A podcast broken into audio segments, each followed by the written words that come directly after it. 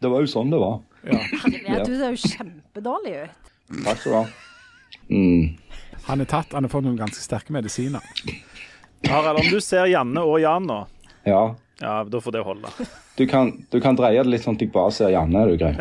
Ja, for det, det er å se meg, det er jo drømmer om. Det er det som holder meg oppe, ja. Det er den drøm. Godt nyttår og velkommen til 2023. Året der noe vidunderlig skal skje. Det må faktisk skje at tid skal åpne seg, at hjertet skal åpne seg, at dører skal åpne seg, berget skal åpne seg, kjelder skal Å, kjære. Det kommer aldri til å skje. Nei, det gjør ikke det.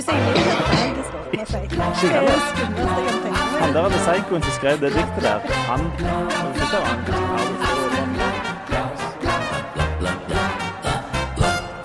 Alle skal drive og åpne seg hele tida. Og det vi trenger, er jo at folk lukker seg og holder mer for seg sjøl. Kjempeidé. Mm. Hjertelig velkommen til, til Aftenbladet sin aller første uh, sending i eh, 2023. Det var jo kjempegod eh, start, syns jeg. Eh, Ja, vi har altså med oss eh, eh, Jan Zahl, som um, i konkurransen Årets spåmann 2022 kom på delt førsteplass. Og mange slags takk. Mange Ja, Ja, da. Du er uthvilt og i kjempeform.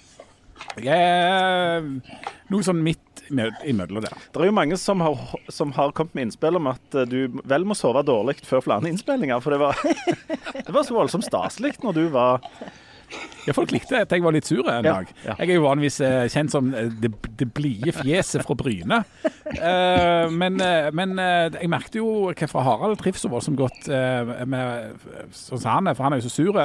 Den ene gangen jeg var sur, det var jo voldsomt god respons på det. Ja, ja, det er en enkel posisjon å ta. Vi har òg med oss professor Janne Stigen Rangsholt.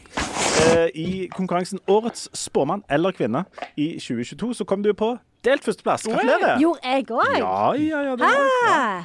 Og dessuten, dessuten så har du jo overlevd ekstremsporten Julen 2022. Don't get me started. Jo, jeg tenkte er skulle- så sur nå. Er du det? Ja. Hva det for? Fordi julen er bare en løgn. It is a Ikke det med! Jesus. Hæ? Ikke det med Jesus. Det er jo det som er løgn. Det baserer seg jo på en løgn. Hva skjedde med Jannes julehjørne? Var, var det òg en løgn? Det er liksom sånn Å, juleferie, sant?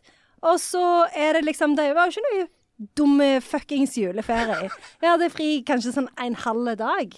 Og så var du tilbake på jobb. Og de andre dagene var det jo dobbelt så mye arbeid, for du hadde mye besøk. Så jeg skjønner ikke hvorfor folk bare driver og lyver om julen hele tida. Akkurat. Men du fikk jo ikke drikke, fikk du ikke drikke heller. Ja, jo, jeg drakk jo, jeg drakk jo ganske mye. Så så gale var det ikke. Vi er òg med Harald Birkevold eh, på eh, i, i konkurransen Årets spåmann eller kvinne i 2022. Så kom du på delt førsteplass. Gratulerer! Stop the steal! Jeg hadde et halvt poeng mer enn dere. Hæ? Hadde du ikke. Hadde du det? Hadde jeg så det. Det var, jeg hadde min egen utregning. Men du sitter hjemme i eh, isolat eh, nede i ditt eget eh, synkehull eh, fordi at Å, ikke nevn det der Lo and synkehullet. behold, du er ikke 100 Nei, jeg er ikke helt god. Hva som Jeg, ho- jeg, deg? hoster, jeg hoster så enormt hele veien. At du fått eh, jeg, jeg er en diagnostisert? plage fra min, for meg. Jeg har jo, Lungene mine er jo et sorgens kapittel, det er i likhet med resten av kroppen. Så det er, akkurat nå er det de som streiker, da. Eh, og sier at de, de Nei, de vil ikke mer nå. Har elendigheten må- noe navn, bortsett fra Harald Birkvold? Det er, det er en blanding av forskjellige ting. Um, ebola eh, har vi jo selvfølgelig. Svartedauden. Ja. Um, pest. Ja. Kolera. Mye som i, sånn som i fjor, da. Ja, det er mye det samme som i fjor, kan du si. Bare at nå har det blitt såpass uttalt at det, det, jeg lager veldig mye lyd i perioder. Som jeg høres ut som en sånn, en, en sånn traktor som har stått lenge i låve, og så er det en eller annen type i fjeladresse prøver å starte den. Mye likt som i fjor, altså. Du må ikke få Og meg til sist, å le. men definitivt minst, eh, Leif Tor Linde. Eh, det ble strekket litt langt å kalle det for journalist, men ja. det er det som står på Nå er det ikke visittkort. Men eh, det var iallfall sånn at i konkurransen Årets spåmann for Eller kvinne. 2022, eller kvinne, så kom du faktisk på delt førsteplass. Yes! Dere tre Um, kom på delt andreplass, jeg kom på førsteplass. Nei, nei, nei, nei. Det, det, var, det var helt likt. Og, eh, altså, grunnen til at vi, vi messer litt om dette i dag, er jo at um, i dag skal vi til å spå om um, 2023. Det blir lett. Det blir lett. I hvert fall nå når jeg vet at jeg var så flink i fjor. Ja, kjempegode. Vet du hva, jeg har, jeg har allerede vært med på en sånn spå om 2023-greie. Som en, en, en fyr på Stortinget som heter Roy Steffensen. Han sendte ut en sånn på Facebook. sånn, Vær med og spå om 2023. Så tenkte jeg det ble jo dritlett, for jeg var jo tross alt den som vant denne. som Så vi hadde da et halvt poeng foran dere. Så jeg tenkte ok, jeg bare fyller den ut. Og så var et av spørsmålene ja, hvem blir SVs nye leder? Blir det Kari Elisabeth Kaski, eller blir det hun Bergstø? Jeg tenker, ja, det er klart det blir Kaski. Klart det blir Kaski. Og så hadde jeg ikke mer enn trygt 'send', så kom denne. Kaski trekker seg. Og så Du begynte jeg klarer å ikke å hoste. da. spå 20 sekunder inn i framtida. Ikke Langt mindre 365 dager. Nå, Jeg satte alle pengene. 50 kroner på Kaski. Ja, ja, men du har jo ikke en jobb som tilsier at du skulle ja, vent litt. Nei, vent litt.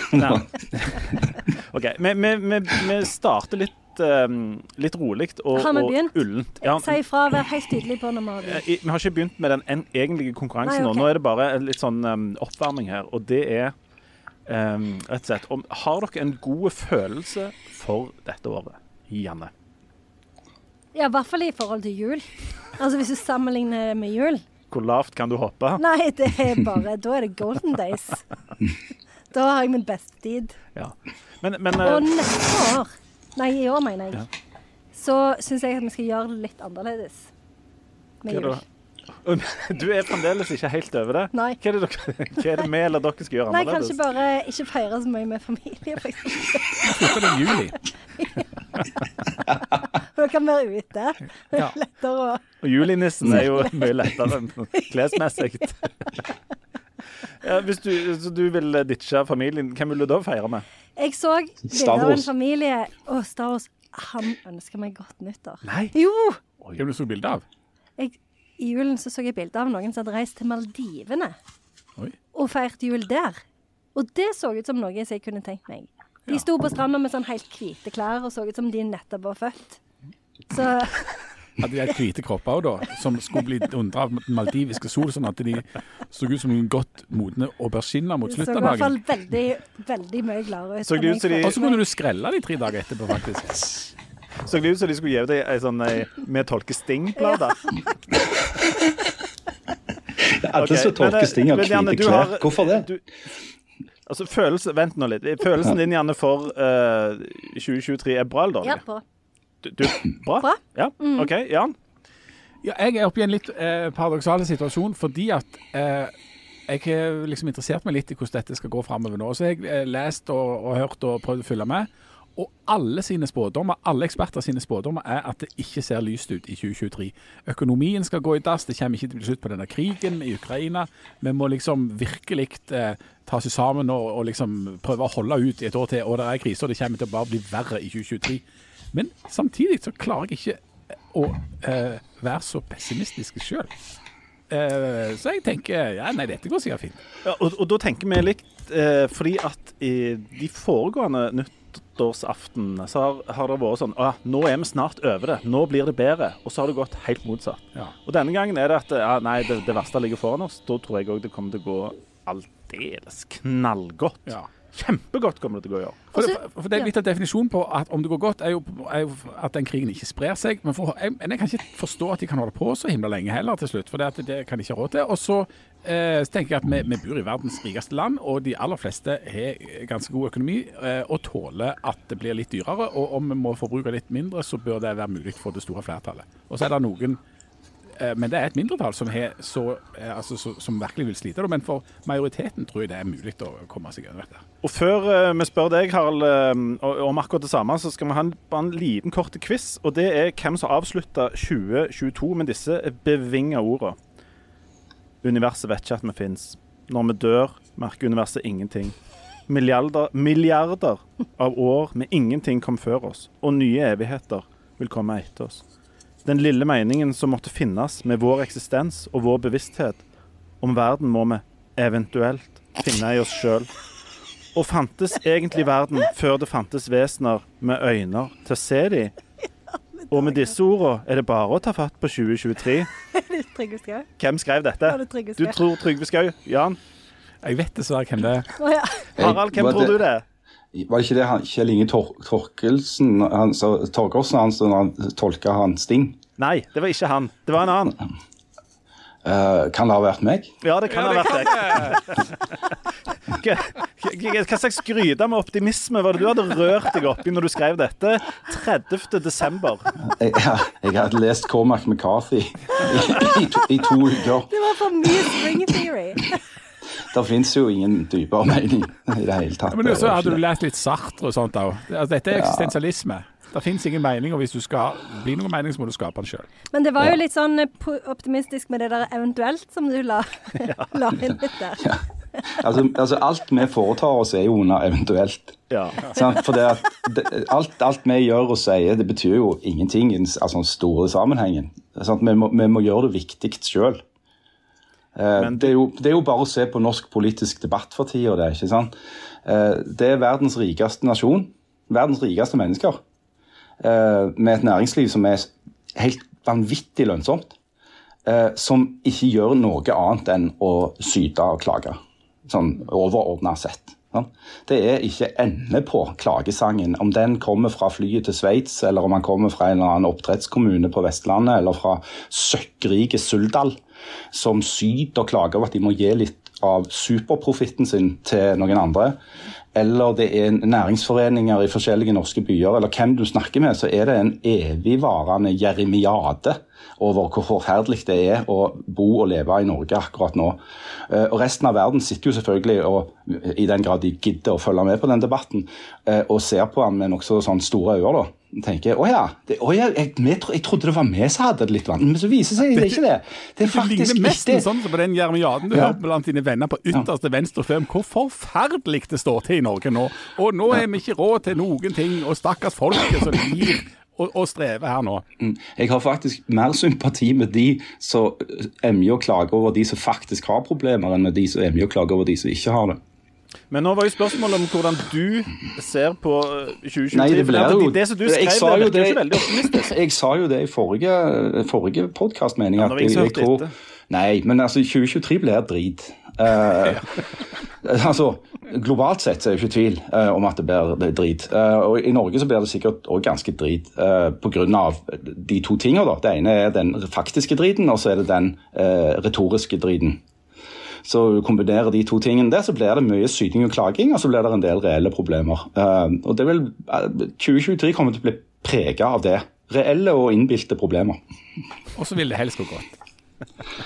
Nei, eh, godt og godt. Altså, jeg, jeg håper jo akkurat som Jan at, eh, at krigen i Ukraina eh, ebber ut f.eks. Rett og slett pga. At, eh, at eh, Russland går tomme for penger og våpen. Men jeg er redd for at det ikke stemmer. Eh, Jeg er redd for at de vil være i stand til å alliere seg med land som kan forsyne dem med, eh, med våpen til å holde dette gående lenger enn vi håper. Eh, og Det er selvfølgelig òg et potensial for at det vi allerede ser med denne terrorbombingen av sivile mål og infrastruktur, blir trappa ytterligere opp. At de går etter mål. For det, Uansett hvor forferdelig den krigen har vært så langt, så har det jo ikke vært, bortsett fra i enkelte byer, enorme sivile tap. Det kan det bli. Vi, vi, la oss starte der da med første konkrete spørsmål. Og nå, nå skal vi ha en runde med ja eller nei først, og så med tynn argumentasjon etterpå. Er det fremdeles krig i eh, Ukraina um, når vi feirer nyttår neste gang? Jan? Jeg skal være optimist og si nei. Janne? Jeg òg sier nei. Harald? Ja. Jeg tror dessverre òg ja. Ehm, som du nevnte, Jan, så er det et slags eh, et slags sånn tynt håp her om at eh, på et eller annet tidspunkt så innser folk at dette rett og slett ikke lønner seg. Tror du det er der eh, det eventuelt kan ligge? Altså, jeg Resonnementet er jo at det går jo kjempedårlig for Russland i denne krigen. da. Det er jo Russland som har på en måte tatt initiativet til å, å fære det til. Og Russland er et et enormt stort land, men de har ikke noen veldig stor økonomi. De har en økonomi som er på størrelse med Italia. Og hvis Russland, som er såpass egentlig, altså Det er et rikt land men, og, og rikt på naturressurser, det der, men jeg kan ikke forstå at de har økonomi til å konkurrere med hele Vesten, eh, som da hjelper Ukraina. Det er det ene. Det andre er at det, det er et land De har dårligere økonomi enn Vesten, eh, som da støtter Ukraina. De har òg dårligere organisering og dårligere ideer. Og dårligere altså ideologi. Og dårligere motiverte folk eh, som, som eh, liksom deltar i denne krigen. og Det er vanskelig å på en måte forstå hva meninga er. Og jeg kan ikke forstå at, at det kan vare kjempelenge. Men det er jo eh, sannsynligvis naivt, for alle militærekspertene sier jo at en må eh, forberede seg på at dette blir en langvarig krig.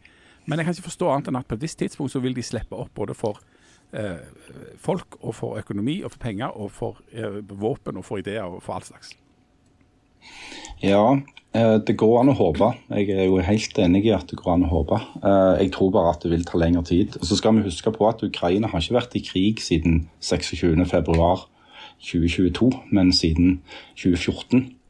eh, Når Krim ble annektert og, de to regionene i øst, Luhansk og Donetsk, erklærte seg for uavhengige. Sånn at egentlig har jo denne krigen her pågått allerede i åtte år. Eh, Derfor så tror jeg at å, å tenke at den kan fort vare et år til, ikke så urealistisk, og kanskje lenger enn det òg. Hvis vi snakker, hvis vi, fall hvis vi snakker om å på en måte tilbakeføre Ukraina til grensene før 2014. Og så er det et annet spørsmål om det skjer noe internt i Russland. og Der har jo, jo de vestlige spådommene ikke slått til. Altså, Vi har trodd og håpet at de vestlige økonomiske sanksjonene skulle slå ut altså økonomien i Russland. Det har de ikke gjort.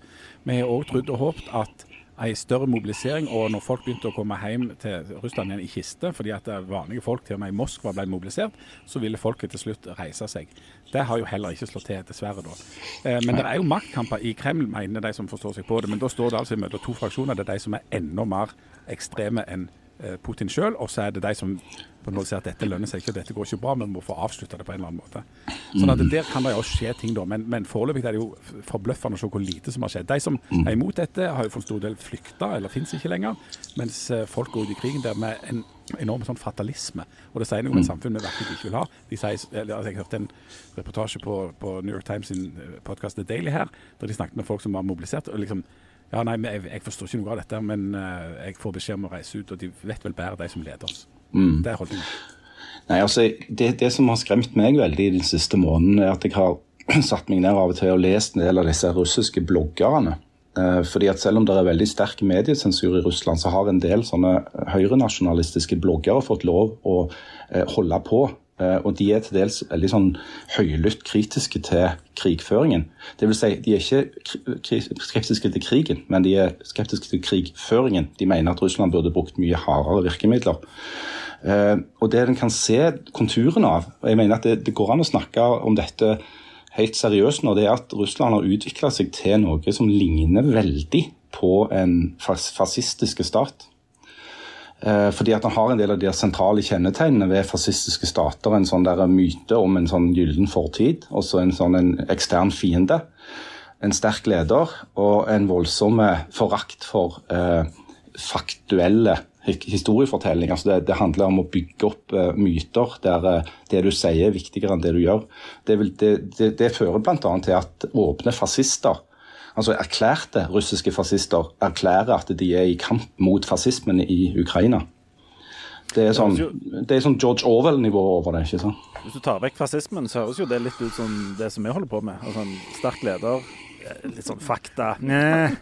og mye sånn interne stridigheter, og at det virkelig kan gå alle veier. Um, men eh, den, denne Hvem, hvem det? nå, hva, nå? Hva mener du med det? Nei, det, du hører sikkert litt dårlig der du sitter hjemme, men eh, vi andre her vi er helt på linje. Jeg kan bare Nå begynner jeg å hoste. Du hoster voldsomt òg. Denne, denne krigen eh, Nå har det jo vært en voldsom eh, mobilisering i Russland, og ukrainere får stadig mer Eller kan komme til å få en del langdistansevåpen. Det mener jeg jo trekker voldsomt i retning at dette kan fortsette. Men hvis vi hopper, hopper litt hjem, da, og så har jo denne krigen vært en medvirkende årsak til at vi har hatt en pågående strømkrise som har eh, vart ganske lenge, syns vi sjøl. Kommer, denne, kommer vi fremdeles til å ha ei eh, strømkrise her neste jul? Harald? Eh, ja, det tror jeg vi kan slå inn i kassen at vi kommer til å ha. Altså, eh, Ubalansen i kraftmarkedet i Europa kommer ikke til å bli fiksa i 2023. Janne, har du tatt høyde for at eh, strømmen er fremdeles koster noen kroner? Ja, men det spørs jo hvor lenge de skal ha- gjøre rent på de der eh, kraftverkene i Sverige.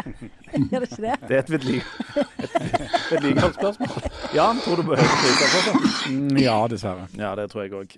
Det vi, det vi må huske på, det er jo at det, det er en del ting som der, altså, Markedet er jo innretta sånn at vi òg kan ha perioder hvor strømmen koster ingen, ingenting. Sant? Altså, vi kan- vi ikke trenger den. Når vi ikke trenger den, så kan det være den koster null kroner. Sånn. Eh, fordi at da blåser det en eller annen plass og vi bruker lite strøm. Eh, vi hadde f.eks. ganske billige strøm, sånn relativt sett iallfall i jula. Eh, når, eh, hvis du regnet inn den strømstøtten, så kosta det ikke all verden med strøm nå i jule, juledagene. Og det er jo fordi at næringslivet bruker lite strøm, da. Har fri. Um, kommer vi fremdeles til å eh, ha dyrtid på alle fronter om et år? Altså, eh, rente, altså alle piler peker opp. Infl at vi er, har fremdeles altfor høy inflasjon, rentene er på vei opp, og eh, strømprisene er galopperende. Jan, tror du på den trippelen? Nei. Janne? Eh, kan jeg høre hvorfor Jan ikke tror det? og så- Du bestemmer seg etterpå. Ja, ok. Harald, ja eller nei? Tripp, den vanskelige trippelen fortsetter? Eh, jeg tror at rentenivået, hvis vi snakker om Norge, så tror jeg at det kommer til å stabilisere seg i løpet av 2023. Jeg tror ikke det kommer til å fortsette å øke ut gjennom hele året. Eh, Jeg tror på Norges Bank og Finansdepartementet når de anslår at de eh, siste renteøkningene kommer våren 2023, altså i år. Eh, Og at det liksom, men om det kommer til å gå ned igjen, det er jeg mer tvilende til. Eh, Prisstigningen den er jo litt vanskelig å forutse i Norge, for det at veldig mye er jo importerte priser. ikke sant? Eh, Hvordan kommer det f.eks. gå med matvareprisene? Det er jo Noen som har spådd at 2023 blir et veldig vanskelig år for verdens matvareprodusenter pga. høye priser på diesel og eh, kunstgjødsel. Eh, hvis det gir seg utslag i veldig lave volumer av sånne viktige matvarer som hvete og mais, og- så, så kan Men- jo det slå inn. Men noe kan bli bedre. Jan? Ja, jeg tror jo at eh, de, de sier jo at eh, de mener at rentetoppen er nådd om ikke veldig lenge. og Grunnen til at den da eventuelt at de slutter å øke renta enda mer, er jo fordi at eh, den politikken virker. Poenget med å øke renta er jo å få ned inflasjonen. Eh, og det trekker inn såpass mye kjøpe, kjøpekraft at folk ikke, kanskje, altså, bruker ikke så mye penger. og, og altså Du demper etterspørselen, og da stiger ikke prisene like raskt.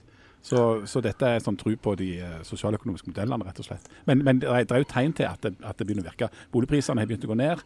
Eh, inflasjonen ser ut til å flate ut. Det er mindre inflasjon i Norge nå enn det er en del andre plasser.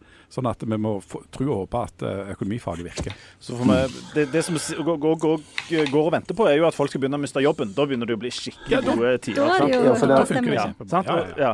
og du Janne, hvis du mister alle de utenlandske studentene, så er det vel ikke mer jobb til deg? Nei, Nei. absolutt ikke. Og ingen andre kommer til å ansette meg heller. Kan ikke du bli kirketjener på fulltid? Nei, for jeg får jo ikke lov å styre køen eller noen ting nå. Nei, Det får du ikke.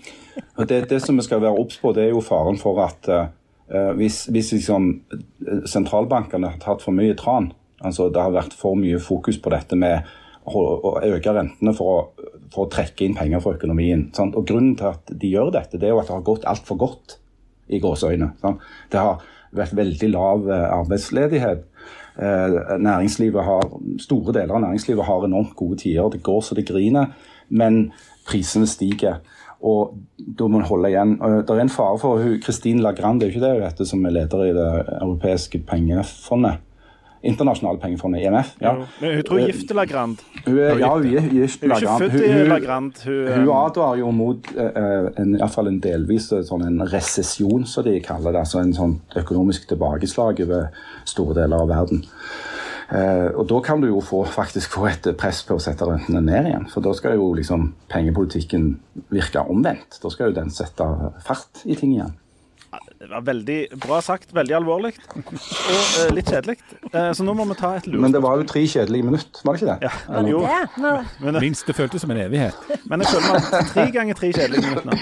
Så det, det, men vi tar et lurespørsmål. Eh, blir 2023 eh, det året der eh, India overtar posisjonen til Kina som verdens mest folkerike land? Ja. Ja. Gjerne. ja, det tror jeg òg. Harald? Ja, for det, det står jo overalt. Ja, nemlig. Det skjer i mars eller april. Ja, det skjer i april. Og det, men det, det er, jeg syns jo alltid det er vanskelig å begynne å si at nå Altså, i år er 2023. Altså, alle sånne, sånne forandringer er vanskelige. Men det at ikke kineserne skal være flest på jorda, det, det syns jeg er veldig vanskelig å forholde meg til. Enormt interessant som jeg jeg, ei som jeg var sammen med en gang, Uh, hun, hun var den eh, fjerde av fire søsken. Eh, og hun eh, hadde hysteriske anfall flere ganger i uka da hun var liten og, og skreik 'Jeg har ikke lyst til å være kineser'. For hun, de hadde sagt at hver fjerde unge i verden var kineser. Men, ja, for, men altså Kina, for Kina altså India kommer til å gå forbi Kina. Det kommer til å passere sånn 1,4 milliarder, eller hva det er for noe. Eh, og så er det jo interessant med Kina, for Kina har jo vokst enormt sånn økonomisk. Og det har vært snakk om at eh, Kina kom til å få den største økonomien i verden av altså å ta forbi USA. Men nå er det ting som tyder på at det ikke kommer til å skje. Altså, nå er den økonomiske veksten stagnert både pga. Av, av koronaen, da, ikke minst, og at liksom, de har strevd der borte med det. Og så er det en annen forskjell på Kina og India. Det er at eh, de har hatt sånn ettbarnspolitikk eh, borte i Kina der, som gjør at det er få relativt sett unge, men veldig mange gamle. Altså Det er få langt flere i arbeidsstyrken enn gamle, så det kommer jo til å få et problem med å finansiere det. Mens i India så har de en veldig ung befolkning. Sånn at det, det, er, det, ser lysere ut for India enn for Kina framover. Og så er det vel òg et problem at den ettbarnspolitikken har ført til at folk ikke får barn i det hele tatt. For de syns ikke det Og hvis de får, Nå får de jo lov å ha flere enn ett barn, men det vil de jo ikke. For de syns det er dritstress. Ja, og det er blitt kjempedyrt å ha det. Ja. Du, og så har jo Kina nå sluppet eh, koronaviruset fritt. Eh, det er litt sånn uro på, på børsene, og det er spådd eh, ganske mye turbulens i tida som kommer framover. Og spørsmålet da er jo blir 2023 erotikkens år? Harald? Eh, hjemme hos oss, eller sånn generelt? Nei, det er først og fremst hjemme hos dere vi lurer på. Ja, her, her i synkehullet? Ja. Ja, det, det, jeg skal bli en del bedre, da, hvis, jeg skal bli, hvis, jeg skal gjøre en innsats, iallfall. Så OK, så du tenker ikke å, å videreføre erotikkens år? Vi har jo hatt det i to år nå ut med litt sånn vekslende hell. jeg, Så jeg, mener, det går jo, an å ha, går jo an å ha det som en ambisjon. Ja, men om om vi trengte et tredje år for å liksom få, få forløst Men hva er det òg? For i fjor var det jo òg Det kommer an på hva som er den andre merkelappen. Der har jeg gjort litt grann research, nemlig. Eh, fordi at eh, I fjor var det jo frivillighetens år. Da mente du at det ikke kunne kombineres med erotikkens år. Sånn at Heimars og Drangsholt sine, der var det eh, rolig. Eh, og så har jeg prøvd å finne ut hva slags år det er i år, og, og det er ikke noen bestemte år som jeg har funnet ut. Bortsett fra at jeg har funnet ut at vi i 2023 er i gang med år to av det som er FNs tiår for urspråk. Det er et helt tiår. er det tiår? Ja, det er fra år 22, fra år eh, 2022 til 2032 er FNs tiår for urspråk. Men har de, har de slutta å kalle de forskjellige årene for ting? Men frivill...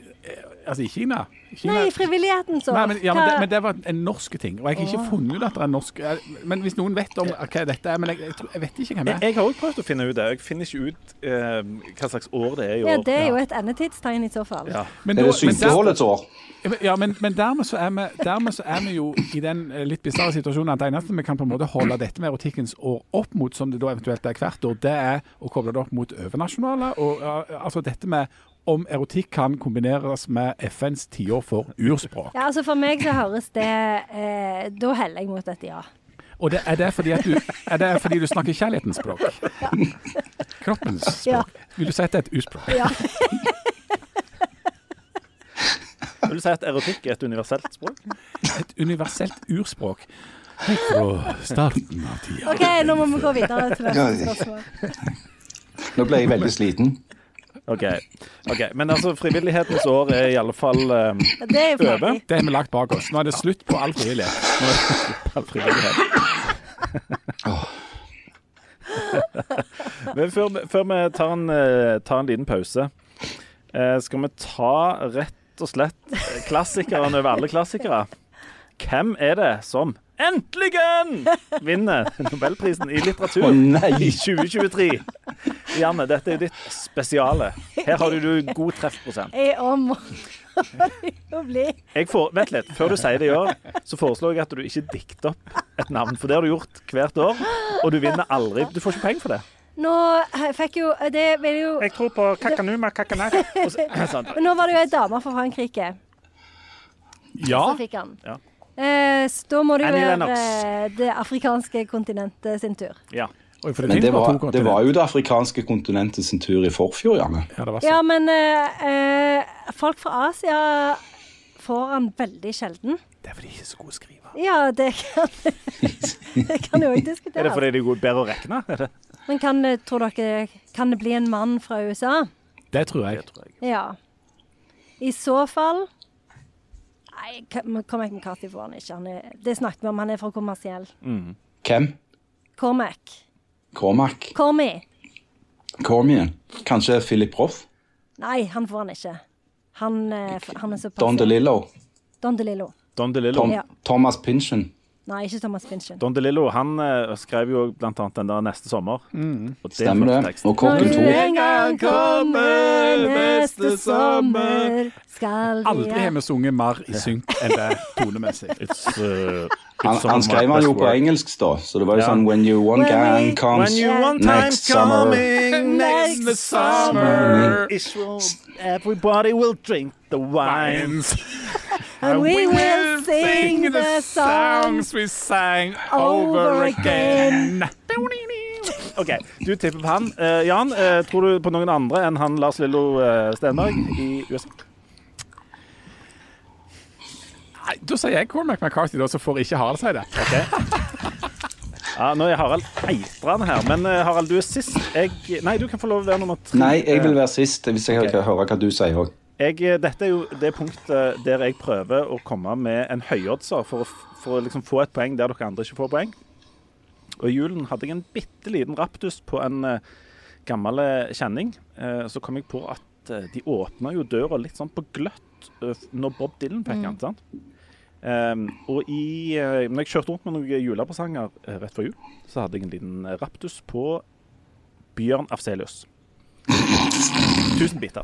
Det er jo en, en skikkelig sånn uh, lurekandidat. Ja, det er en Mm, lurekandidat. Ja. en, en Allting kan ikke- gå i tu, men mitt hjerte kan gå i tusen biter. Sier du at du var min venn, så er du kanskje det. Jeg, liker spesielt godt den der na, na, na, na. Eh, så jeg, eh, jeg, jeg er klar over at eh, det er et langskudd, men jeg tipper Bjørn Afselius. Nå, Harald, hvem har du? Jon Fosse. Jon Fosse, Harald. Jeg var i tvil om jeg skulle slå et slag for uh, Knausgård, men han er iallfall for unge. Ja, han er iallfall unge. Ja, altfor Han er litt ujevn òg. Han er det. Ja, okay. Han er ikke ujevn, han er mer ru. Han er litt ru. Mothår. Som et, sand, som et sandpapir. Men nei, jeg, nå, nå, er det, nå er det vår mann i grotten sin tur. Han sitter der og suer seg i tennene og venter på denne telefonen fra Svenske Akademien. Og han har nettopp gitt ut et nytt stykke, så jeg. Ja, er, Ja da, han holder på. Og han er eneste jo han har, han, Nei. han har slutta å drikke, vet jeg. Ja. Det har han sagt, iallfall. Han legger seg det, tidlig da. han legger seg tidlig, uh, kjøper ny seng. Um, så, så alt ligger til rette, tenker jeg. Det er jo det er Fosse sitt år i år. Men eh, jeg tror jo fremdeles òg på Ngugi og Ationgo. Som er Det, er- det har du funnet på. Ja. Og eh, jeg kan òg fortelle at jeg kommer med en ny bok i år. nei? Så du vil lansere ditt eget kandidatur nå? Ja, er det jeg, det? vet jeg tror ikke noen fra Sandnes har fått den. som Er har det, er det hun Ingvild uh, Waterface? Uh, eh, er det et nytt hefte om hun? Ja. OK. Hva slags elleville Du, ting Har hun blitt med i en podkast nå? Er det det? Om, om hun har liksom begynt å være min faste podkast eller noe sånt. Jeg har fått i hvert fall beskjed om å bli med igjen. Ja, hun det. er. det, Ja, ja. Men så er jeg veldig i tvil. Har jeg noe å si? Ingvild Winther blir med i podkasten Uknakt. Er det den? Og, På TV 2 sin podkast Uknakt. Nei, hun er med i den fiktive avisa Morgenpost Post. Eh, så, eh, OK. eh, ok, Dette, dette, det, her, eh, dette er jo er det interessant. verdibørsen? Ja. Er det noen eh, som vi kjenner som er skrevet inn i denne boka? Ikke som dere kjenner, men kanskje som dere vet om. Det er ikke sånn at hun noen gang blir intervjua av eh, kulturjournalist Bjarn Schmal? Er det ikke en nøkkelroman? Bjørn! Bjørn! Ja. Bjørn er et veldig, veldig utbredt navn på Færøyene. Men det er ikke det? Nei. Hun sender ikke, hun sender ikke sånn eh, julekort til, eh, til sosialistisk redaktør Barald Snerkenes. Voldsbjørg. Han er voldsomt brystsvak eh, akkurat i den fiksjonsboka der. er jo å levere lasagne på sotteseng til en kar som heter Knarald Merkebjørkvold. Nei? Jeg, jeg holder på å redigere nå, så jeg hva Er det, å, er det sjanse til å komme jeg- med? Oh, jeg har alltid syntes du var så flink til å skrive. Har du det? Ja, om hun Hva heter hun? Ingebjørg Ingebjørg Volldal. Hvis vi er gode, så kan vi, vi klare oss å så snakke oss inn i alle fall i en slags sånn takk til. Ja. Oh. Ja, for vi har jo ikke hatt julebord heller ennå. Nei, og det skal vi ha. Det er han som er ansvarlig for det, heter Knarald Merkemøsnes. Så han, eh, du må fikse det, Harald. Eh, vi må ta en eh, kjapp liten pause, så kommer vi tilbake med eh, flere spådommer eh, om 2023.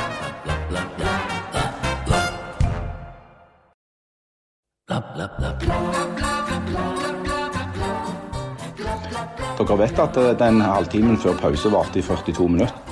Ja, men vi kommer Men vi litt kom så godt i gang. ja, men også, Og vi kommer òg litt seint i gang. Nei, må opptaket, opptaket mitt har vart i 42 minutter, og jeg satte det på når vi begynte. Jo, men vi kom, Veldig bra. Unnskyld, vi kom seint i gang. vi kom litt seint i gang fordi at vi var litt seint ute. Og hjertelig velkommen her til dette forspillet til julebordet til eh, Aftenbladet. Vi driver altså spår om 2023 og har blitt enige om at vi kom litt seint i gang pga. forskjellige ting. Um, eh, nå har vi spådd litt om verden. Vi skal gjerne ta litt mer om verden òg, men nå skal vi eh, hjem litt. For til høsten så er det jo et eh, valg. Så er spørsmålet hvem blir kirkerådsleder i Gann, Janne? Eh, Stigen Drangsholt blir det. ja. Ja, Det var ikke en tippekonkurranse. Det var bare Nei, det er, der er, der er eh, lokalvalg.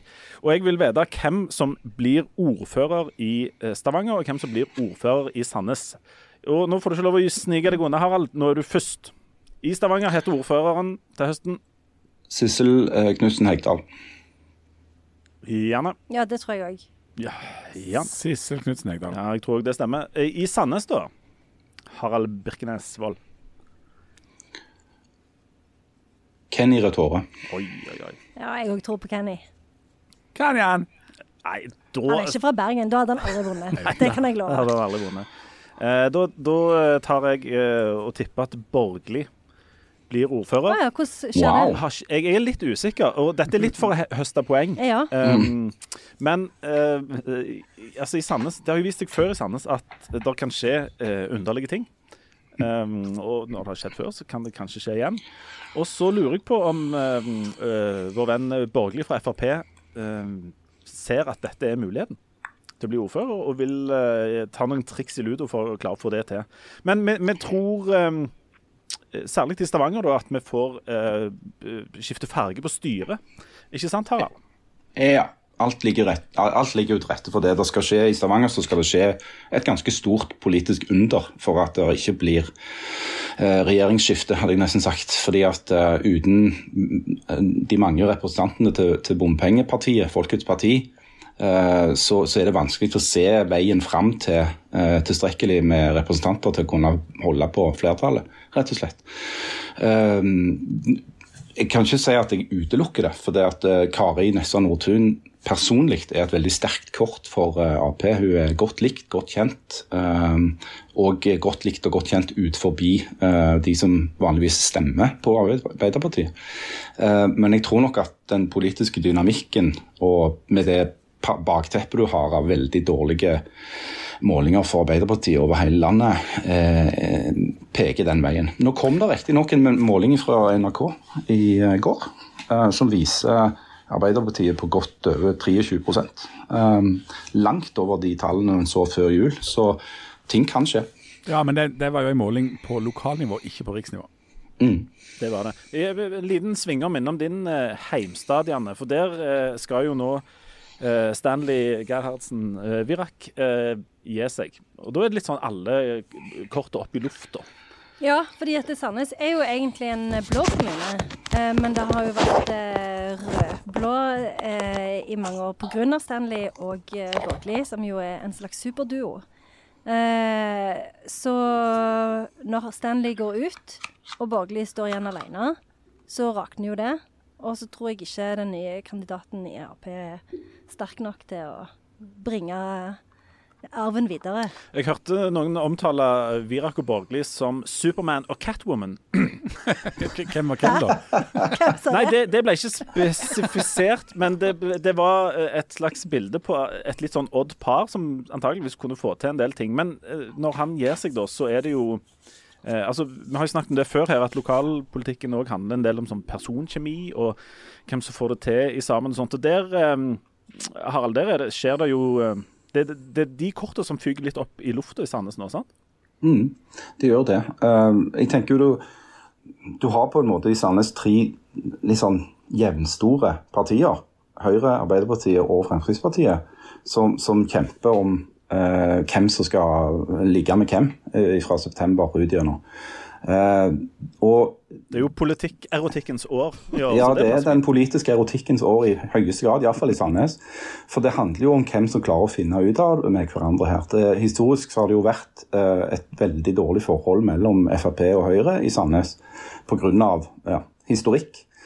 Eh, og da er spørsmålet klarer Kenny Retore og Pål Morten Borgli å finne ut med hverandre om det? Eh, eller vil Borgli holde liksom, på sin plan A, som har vært å videreføre samarbeidet med, med Virak, og med, med Tore Bukkholt Espedal i stedet for? Og spørsmål tre. Eh, vil Arbeiderpartiet fortsette med noe som jo er en sånn umage ting? Eh, De, de har riktignok gjort det samme i Sola, men et politisk, nært politisk samarbeid mellom Ap og Fremskrittspartiet er jo ikke altså, logisk. Det er, det er noe som skjer på tross av noe, enn på grunn av noe. Ikke? Eh, Så da, er veldig, altså, I Sandnes er det veldig spennende, for der kommer det til å handle både om saker og om spill, tenker jeg, i valget i år. Og så er det jo interessant, Hvis det da blir skifte i eh, Sandnes og Stavanger Og I Stavanger så kommer en jo da på en måte tilbake til normalen, hvis vi får en eh, ordfører for Høyre. For det sånn var det i 24 år før eh, Kari Nessa Nordlund hoppet inn. Men eh, det er jo to av Norges største byer, og det er jo et symptom på noe som eh, seiler opp til å bli et problem for Arbeiderpartiet. Altså at nå har de eh, ordfører i mange av de store norske byene. Og det ligger an til at de risikerer å, å miste mange av de eh, byene, rett og slett. Eh, og, da, og det vil nok forsterke eh, Arbeiderpartiet sitt problem eh, på landsbasis hvis de mister Stavanger, Sandnes, Bergen, Trondheim, Kristiansand. Og så nevnte du, Jan, eh, den det nettopp utførte måling for Aftenposten og NRK der eh, på en måte eh, Arbeiderpartiet gjør det eh, godt på et lavt nivå, kan man si det sånn. De gjør det bedre enn på en måte de gjør på, på riksplan, men allikevel ikke veldig godt. Og det neste spørsmålet er om eh, etter lokalvalget har Arbeiderpartiet fått uh, mer eller mindre enn 24 av stemmene? Harald? I Stavanger eller Sandnes? Nei, da snakker vi hvis vi teller opp sånn i landet totalt sett. 24 Jeg- jeg- over eller under? Jeg tror de får over 24% i, altså, på landsbasis. Jeg tror de får under. Harald? Nei, Jan heter du. Ja, ja, jeg, jeg tror mindre. Leif Tore. Ja, nei, jeg tror mer. Eh, Senterpartiet eh, under eller over 8 Harald? Unna. Under. Unna. Under. Der fikk de den. Og det kan, jeg, vil, jeg vil gjerne begrunne det. For det, at det er jo Ja, hører på. egentlig, egentlig så er det jo okay. unormalt svakt for Senterpartiet. Men Senterpartiet er nok tross alt det partiet de to som sitter i regjering, som sliter mest med eh, avstanden mellom eh, liv og lære. Altså, de, de sliter enormt med eh, å betale regningen for alle de dyre valgløftene de eh, ga i eh, opposisjon og i valgkampen, og den harde realiteten som har møtt de eh, i regjering. Sånn at eh, Arbeiderpartiet, nei, Senterpartiet sine representanter i regjeringen har jo eh, en enorm motstand fra sitt eget grunnfjell. Det det har du sett bl.a. i diverse sånne ordføreropprør kysten rundt. Om det er mot eh, kommunestruktur, eller om det er mot eh, sentralisering og oppløsningsvedtak. Det er kraftskatt, det er lakseskatt. Eh, på område etter område så, så virker det som om regjerings-SP er på kollisjonskurs med kommune-SP. Nytt spørsmål. Kom, eh, når vi tar juleferie om et drøyt år Juleferie med sånn med anførselstegn. Når, eh, når vi dessverre må feire jul med familien eh, neste år òg, eh, kommer da eh, Hadia Tajik til å ha overtatt et departement, Jan? Ja. Ja. Janne. ja. Harald. Nei. Eh, ja. Jeg eh, Altså, det, det, når, når en regjering blir såpass upopulær som nå, så må det jo røskes opp litt. Eh, så må det byttes ut noen. Og, og kanskje ha for mange ministre ingen vet hvem er, eller folk ikke liker. Sant? Og eh, det er jo to eh, to- stykker i eh, Arbeiderpartiet som har hatt en litt sånn humpete, humpete par år. Eh, Hadia og eh, Trond eh, Giske. Og nå er det mange som begynner å mumle om at kanskje Hadia skal inn igjen, eh, Jan. Men, og du tror litt på det, du òg? Ja, for det er ting som tyder på at hun er på vei tilbake igjen. Og det er jo et spørsmål hvor lenge en skal være i en fryseboks etter å ha gjort feil. Jeg har jo tidligere argumentert for at uh, altså, Som har vi blitt frikjent for eh, ja, som hun blitt frikjent. Ja, ja, ja, sant? Ja, det er nettopp det. sant? Men hun har jo tatt en selvkritikk og har tatt en konsekvens og har gått av og har på en måte beklagt uh, det hun gjorde. Men så er det jo altså, så, men så er forskjellen da på politikken og, og jeg si, jussen altså, Jeg har ikke, hun har ikke gjort noe sånn straffbart som har liksom gjort at du kom i fengsel, men, men, men selv de som er i fengsel, er det sånn at du skal jo liksom sone, du skal liksom få ta straff for dem, og så skal du komme tilbake igjen. Og Det mener jeg også bør gjelde i politikken. Altså, altså Politikere må kunne gjøre feil og komme tilbake igjen. Men problemet er jo at eh, det i politikken handler om tillit. Og tillit er vanskeligere å oppnå, eller det du er avhengig av. Det er noe annet enn men det er en sånn formelle i det. At ja, jeg beklagte og gikk av og alt det greiene. Men, så, så jeg er jo avhengig av å bygge opp en tillit igjen, men den ser det ut som altså det ser ut som vi er i ferd med å bygge seg opp. Og hvis vi skal være ærlige, Arbeiderpartiet trenger jo disse folk. Trenger jo sånne som Hadia Tajik, som er liksom eh, flinke og yngre og liksom eh, ja, dyktige, da, rett og slett. For det, det, det er, de, de har ikke så himla mange som gror opp under det og kan bli eh, potensielle lederfigurer framover. Det var det Bjørn Afselius sang i den 'Allting kan gå i tu, men min tillit kan gå i tusen biter'. Eh, Janne, du tror òg på et comeback for um, Ja, for som kvinne av folket, så Oi, oi, oi. Det var årets. Det har vært et kort år, altså, men den var, den var ikke dum. Som kvinne av folket, så tror jeg ikke noen egentlig husker hva hun gjorde som var så galt. Og for det andre, så Når du tenker tilbake til den prosessen, så virker den veldig ryddig. Så hun gjorde liksom alt det hun skulle gjøre. Uh, og nå kan hun godt komme tilbake. Uh, Mens du, Harald, du har lukket den døra for godt. Kasta nøkkelen. Mm, nei, jeg har ikke det. Jeg har, jeg, har jeg har til og med skrevet om det. At jeg, jeg tror det ville være riktig av Arbeiderpartiet å rehabilitere Haja Tajik eh, ganske raskt, fordi at hun trengs, som Jan sier. Eh, problemet er at hvis du rehabiliterer Hadia Tajik, så uh, svekker du òg uh, argumentene for å holde uh, Nidaros sin store sønn eh, i, fortsatt i et slags eh, metoo-reservat oppe i, i Trondheim. Eh, fordi at Da vil spørsmålet med en gang melde seg. Eh, hvis hun kan rehabiliteres, hvorfor kan ikke han? Eh, sånn at, eh, og Det er en, en av grunnene til at jeg tror at veien tilbake for Haja Tajik er litt lenger. Eh, men så er det andre måter hun kan gjøre seg tilgjengelige eller kan bygge seg opp på igjen. Det er jo òg å se på, på roller i partiapparatet. Jeg har jo pekt på at det f.eks. er på høy tid å vurdere å skifte ut partisekretær Kjersti Stenseng, som jo har det øverste administrative ansvaret for organisatoriske ansvaret for partiet. Og eh, kanskje de årene hun har satt, er, er lenge nok. Eh, jeg, er ikke, jeg vet jo ikke om Hadia Tajik ville vært interessert i en sånn post, men det er òg andre sånne eh, toppjobber i Arbeiderpartisystemet som hun kan være aktuelle for. Kort om sport. Med hvor mange poeng vinner Viking serien i år, eh, Janne? Hva er vanlig? Det er vanlig for Viking. Er det minus eh, 40 eller noe? OK, Nei, men da tror jeg de vinner med Er det vanlig med, med ti? Ja, er det poeng. mye? Ja. Ja. Du tipper de vinner med ti poeng? Eh, Jan? Jeg tror ikke de vinner serien. Ja, det var veldig negativt. Å ja, var det et lur? Lurt. Nei da. Harald, hvor mange poeng uh, Hvor langt foran de andre havner vi? Vi havner veldig lite foran de andre. Vi havner litt under midten på tabellen, sånn som vi pleier. Jeg tipper på gull i år. Skal vi ikke tippe noe på Sandnes Ulf? Ja, Hvis jeg skal være konkrete, så tipper jeg de havner på åttendeplass. Ja, OK. Ok, med Sandnes Ulf fins Sandnes Ulf, Ja, og de kommer til å rykke opp. og de kommer til å rykke opp. Mm. Opprykk, Jan. Ifra, hvor- jeg vet ikke hvilken divisjon. De rykker opp fra Sandnes og til Hinna.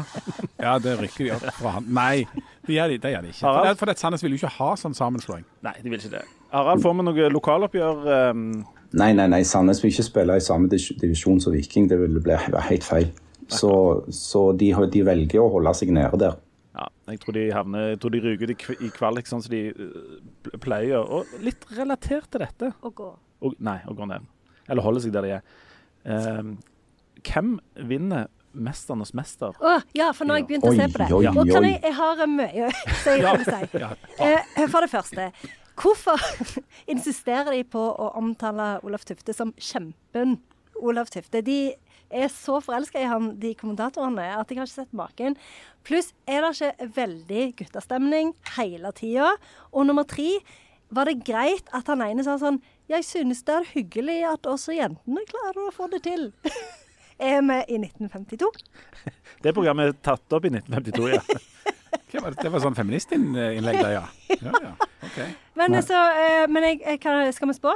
ja vi skal spå. Hvem hadde jeg trodde? Kan vi ta en runde først? Nå husker jeg ikke helt hvem som var med. Jeg har jo aldri hørt om noen av disse før. Har du ikke? Jo, jeg har hørt om Kjempen Olav Tufte må du ha hørt om. Ja, han hadde jeg hørt om. Ja, Og så var det Så Du virker helt sånn forelska i han Olav Tufte. Du bare snakker om han hele tida. jeg syns det er veldig stress at, eh, at han er så At det er så mye mas om han. Og da, jeg tror ikke han vinner, nemlig. Å nei, du tror ikke det? Nei. Du, tror du han bryteren eh, vinner? Stig Nei, jeg tror ikke heller han vinner. Der, der er jo ei crossfit-dame. Hun er veldig Ja. flink. Hun er eh, veldig bra. Ja, Eh, Så hun hun, hun kan jo vinne, faktisk. hun kan vinne. Eh, Sånne eh, folk som var veldig gode i orientering for 26 år siden, neppe. Nei, hun, hun, hun var, men hun var enormt rask på reaksjon. Ja, var det. Ja. Eh, Men hun var jo, et dårlig tegn i 'Mesternes mester' når de plukker veldig mye poeng i de øvelsene der du skal stå helt stille. altså, men du tror noen slår eh, kjempen Olav Jeg, Tufte? jeg tror ikke kjempen Olav Tufte vinner, selv om vi har jo fått info om at han er en brannmann. Ja, han er en brannmann. Brannmannen Olav Tufte er jo òg eh, snakk, mye snakk om. Ja, det er det. Uh, Jan? Ja, altså det Mest nærliggende er jo å svare kjempen Olav Tufte. Ja. Uh, men for uh, men det, det går jo aldri sånn som jeg tror. Uh, nei, men jeg lurer på om han der med kickbokseren kunne ha vært litt sånn runner-up. For han har tror jeg er godt sånn rundtrente. Og han er jo ganske ung. Ja. Og, men- men, men også litt hun der hun crossfit-dama. For crossfit er jo er ikke det sånn trening som de holder på med, egentlig? Jo, det er jo- det jeg Mesternes mester. Det er jo At du løfter ting og sånn. Ja. Ja. Og i sånn hinderløyper. Er Ja. Det eneste er vi er ikke så gode i sånn utholdenhet, kanskje. Eller vi skal springe langt eller holde på med et eller annet. Men det er jo ikke Er det så mye med Og så og så er det jo alltid et, det er et element av flaks mot slutten, Ja, at de skal hive det... et eller annet og treffe et eller annet ja, med er en pinne eller noe sånt. Og det de ryker på, det er jo det der puslespillet. Med, Ja. Der det er fem brikker som skal stilles i rett rekkefølge. Så Men- står de og stanger et kvarter der. Men det kommer jo allerede neste gang. Det det Og nå ligger den som ligger nederst, ligger jo veldig nederst. Jeg gjør det. Harald, har du eh, spådommer? ja, jeg har det. Men altså, bare tenk bare på han, han som vant eh, i fjor, som alle bare husker som kjæresten til eh, Therese Johaug. Var det han som han heter Hoff, han heter Hoff eller noe sånt. Han er jo lagt inn nå. Han var jo helt kritisk dårlig i det der uh, den der puslespillgreiene. og Når de skulle lete etter ting etter den hagen og sånn. Han fikk jo ikke til noen ting. Men han vant hele driten på slutt fordi at han var overlegent god i noen ting, da. Eh, og jeg, tror òg at hun uh, crossfit-dama Hva er det hun heter nå igjen? Jeg tror jeg heter det. Ja. Hun heter Crossfit-dama. CrossFit-dama. Hun blir sterk, eh, tror jeg. Eh, og så tror jeg òg at eh, kjempen Olav Tufte blir sterk. For han kommer til å være veldig god i noen øvelser. Um, men jeg tror, hvis jeg, skal, jeg tror jeg kanskje jeg holder en liten knapp på, på hun som var da heter CrossFit-dama. Ja, jeg så òg må det. må, det skal jo sies til forsvar for han som vant i fjor, at uh, han har jo eh, nå uh, lagt i uh, på, på Johaug, Ja. så enkelte ting klarer han jo å finne helt åpenbart. Absolutt. Hvis det er lov å si. Og det er jo ikke lov å si. Det er ikke lov å si, men det, Det er det de sier det på ble Jæren. sagt. Det, det, Ja. det, det. Ja, ja, var det lagt i? Ja. Jeg, jeg, har- jeg hørte det var du som hadde lagt i på henne. Hva? Det er jo vanlig å si ja, det er det. helt det er helt vanlig Så å si. jeg legger tilbake til frivilligheten. Ja, særlig, særlig i erotikkens år så er jo dette en, en ting vi må kunne snakke åpent om, om om ja. du er blitt ilagt det. OK, men kan vi gå videre? Jeg hørte at hun Jeanette var blitt ilagt det forrige helg. Det er vanlig. Åh, det kan umulig Men tippte du. Leif Tore uh, Hvem tippte du nå? Nei, Crossfit-dama? Nei, nei, nei. nei, nei. Jeg, da må jo jeg tippe kjempe-Olav. Men jeg tror mer det blir han der brytefyren enn kjempen Olaf Tufte. Men han brytefyren er jo skada. Er han skada? Det sto en sak om det sånn, når jeg leste om mesteren som var skjulte skade før uh, første Å ja, sending. nei, da, da vinner ikke han. Fordi de der skadene ble jo alltid slått opp i sånn jeg- eh, nei, episode fire Jeg, eller det, det er ikke lov å tippe Kjempen-Olav Tufte, eh, fordi at alle tipper jo Kjempen-Olav Tufte. Og mye av det der innledningen er jo lagt opp til at dette er en kamp mot Kjempen-Olav Tufte. Mm. Så derfor skal jeg ta eh, igjen en X-faktor. Um, jeg tipper, kan ikke tippe Bjørn Afselius her, siden han ikke er med, men jeg tipper Olav Vigen Hattestad. Ah, Han, ski, han skiløper. Han, ja. For han har vi jo nesten ikke sett. Og det er jo typisk for at de gjemmer vinneren litt. Og da varer han veldig lenge. Ja, han gjør det. han er litt sånn dark horse. Det var sånn som han Hoff i, i fjor. ikke sant? I de første episodene så sa han ikke et kløyva ord. Han bare gikk rundt og var litt sånn mystiske. Og så for plutselig så var det den der hengeøvelsen, og da bare hang jo han der når de andre hadde gått hjem og spist middag og kom tilbake en dag etterpå, hang han jo fortsatt der. Så han slo de med 17 timer eller noe sånt. Og da plutselig tenkte jeg hei, han har visst noe for seg, ja. Han kom jo ikke ned før hun Johaug la opp. Og vi ser hvordan det har gått. Da la jo han Og plutselig hun Ja, var jo det- hun ilagde. Ja, uansett. Uansett. Eh, hvis det er lov å si, og det er det jo for så vidt. eh, det, det må være lov å si det. Um, Men eh, har, vi, eh, eh, har vi flere ting? eh, bitte, bitte, bitte Ja, litt. for dette, jeg har, eh, jeg har lyst til å si noen kulturelle ting som jeg gleder meg til. Ja. På Ok, et eller annet ja, tidspunkt. ja, kjør på, Ja. kjør på. Jeg gleder meg til June, som jo kommer del to, men det er jo ikke før i desember. Og så gleder jeg meg til den Barbie-filmen til Greta Gørvig. Den kommer jo i mai. Hun har jo lagt en sånn en eh, Barbie-film med Margaret Robbie som ser bare helt fantastisk ut. Det er bare en masse navn som jeg aldri har hørt om. Eh, Og så på TV Hva heter det? Noe Gregory et eller annet? Gre- Greta Gerwig, det er hun som lagde uh, Little Women. Hun er jo eh, et geni av en regissør. Eh, hun, det, Ja. og så på TV, så gleder jeg meg til tredje sesong av Slow Horses. Oh, ja. Det er Magic. Oh, ja. Og eh, så ser jeg jo at uh, True Detective kommer med en ny sesong med Jodie Foster! What? Det er Magic. Men de som har vært med og lagd True Detective før, er ikke med denne gangen her. Men Nei, men. Jodie Foster. Men da Men det kommer jo òg ny sesong av Succession, uh, sannsynligvis. Ja, det òg blir gøy. Uh, det håper jeg at blir bedre enn en den forrige, for den var Ja. ikke noe bra. Nei, den var ikke så bra. jo, den var fin. Nei, den var dårlig. Den hadde hånd. eh, ja. OK, siste runde. Harald må snart springe. Um, uh, Han skal jo ikke springe. Han springer ned ut. Jeg skal ikke springe noe sted. Nei, Skal men jeg han har ei jerrykanne med penicillin som må trykke ned i den der eh, Skal ikke dere si Sorry excuse for leka dere. Jeg, jeg gleder meg til det samme som deg. Nei, men Vi skal ta en liten runde på, på personlige mål og uh, sånne nyttårsforutsetninger, som jeg hørte noen si det var. Um, Janne, personlig mål og nyttårsforutsetning for neste Jeg skal år. prøve å ha litt mindre tankekjør. Den var god. Ja, den likte jeg. Ha, Den var god. Hva gjør du da? Nei, jeg vet ikke. Eh, time will show. Men eh, eh, For det er veldig slitsomt. Ja. Så det skal jeg prøve å ha. Litt mindre tankekjør? Må jeg ha noe annet? Nei, nei, det er greit, det. Ja. Nei, jeg, jeg, jeg mener det er viktig å ha så lave ambisjoner som mulig. Fortsett lave ambisjoner. Veldig lave ambisjoner. Jeg har ikke lyst til å oppnå noen verdens ting.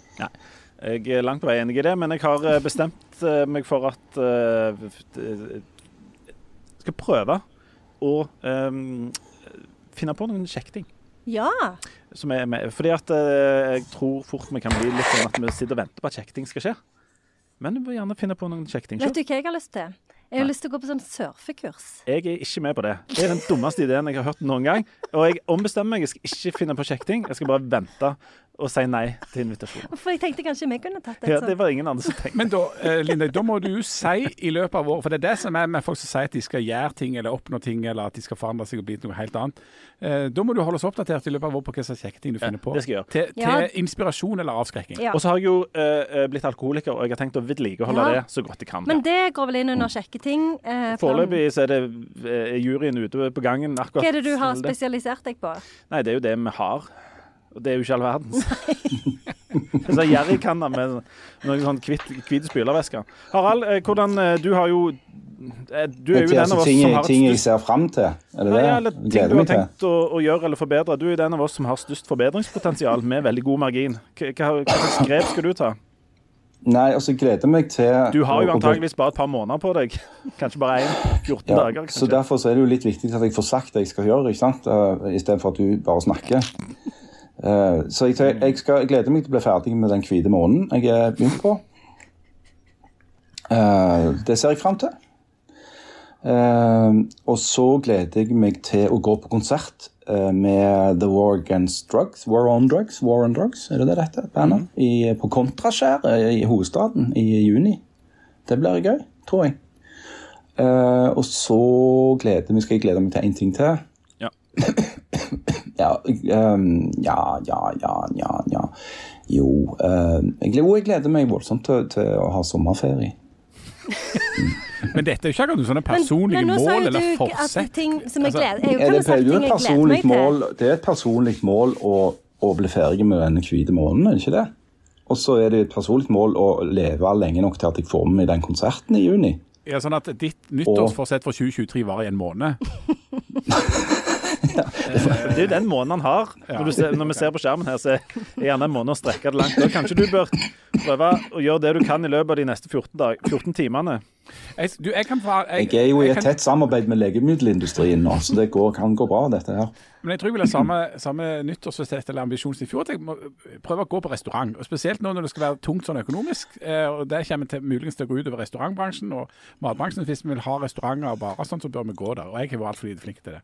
Til tross for mitt uh, nyttårsforsett i fjor òg om det. Ja, Skal du drive og sende bilder da, av det du spiser og Spesielt i din hvite måned skal jeg sende uh, bilder spesielt fra vinpakkene. Og da opplyser om hva vi får der. Så for, for å ringe inn eh, det, dette nye året på skikkelig og verdig vis, så har vi invitert i studio uh, Bilten og Smelten. Jeg tenkte jeg skulle skrive et dikt på årets første dag der jeg oppsummerte hva jeg har ambisjoner om i år. I år vil jeg begynne på et nytt og bedre liv, tror jeg. Jeg skal aldri gå på Facebook mer som søtlaust tidsfordriv, tror jeg. Jeg skal aldri få meg TikTok eller konto på YouTube, men lese tjukke bøker som gjør meg ganske djup, tror jeg. Alle freistinger jeg møter skal jeg sky som bare faen, og ete fiberrikt og grønnsaker. Og bare ete fiberrikt og grønnsaker og tran, tror jeg. Skal sitte som en sfinks i en lesesirkelring og bare gripe ordet for å si kjempesmarte ting, tror jeg. Jeg skal aldri mer få se meg når det lir på lyse dag, tror jeg. Om jeg lunter og gar uten puls og uten trav, tror jeg. Jeg skal trene både kondis og muskelgrupper med å kjøre intervalløkter til flerdobbelt jeg ser. Tror jeg. Ja, i år skal jeg endre meg og bli en annen mann, tror jeg. Vinne striden min mot kjøttet og kun drikke dann og vann, tror jeg. Men nett nå får det litt å få være, for det er jo første dag. Det kommer så mange andre sjanser til å ta det første slag, tror jeg. Lykke til.